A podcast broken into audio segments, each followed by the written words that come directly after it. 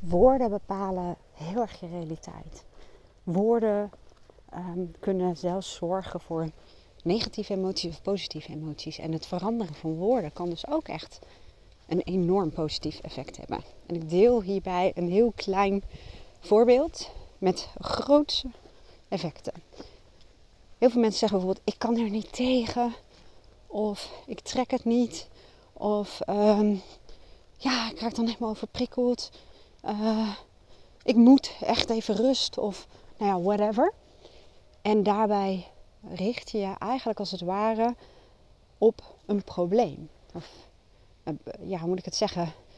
Um, creëer je bijna een waarheid dat je een probleem hebt. Dat je er niet tegen kan. Dat je echt rust nodig hebt, want je bent overprikkeld en bla bla bla. Maar door het meer te gaan verwoorden als zijnde uh, wat dan wel werkt, dat voor jou de oplossing is, zul je ook merken dat je uh, ook naar je omgeving toe veel stelliger bent. En dat er eigenlijk geen afhankelijkheid meer gaat bestaan tussen of diegene je erin tegemoet gaat komen of iets dergelijks. Want dat is ook heel erg vaak zo. Mensen zeggen, laat me nu met rust of bla bla bla. En als je bijvoorbeeld zegt, voor mij werkt het het beste als. Of om um, even rust in mijn hoofd te hebben, doe ik dit en dit. Maar alleen het zinnetje al, ik spreek hem ook heel vaak uit. Ik deel mensen gewoon hoe dat werkt bij mij. Bij mij werkt het het beste als of ehm, ik regel dat altijd zo en zo. Of ik organiseer het zo en zo. Zodat ik een opgeruimd hoofd hou. Of zodat mijn energieniveau hoog blijft. En daaruit spreekt A veel meer zelfregie. En B, het is gericht op de oplossing. En het is niet dat je daarmee suggereert dat er iets met je aan de hand is. Dat er een probleem is. Het lijkt een nuanceverschil.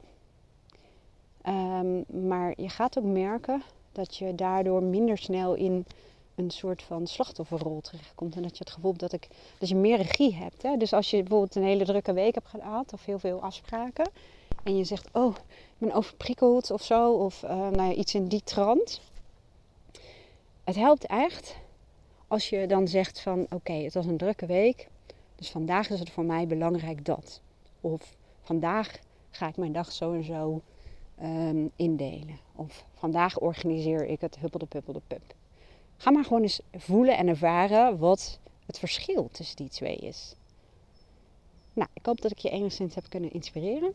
Dankjewel voor het luisteren en heel graag tot de volgende keer.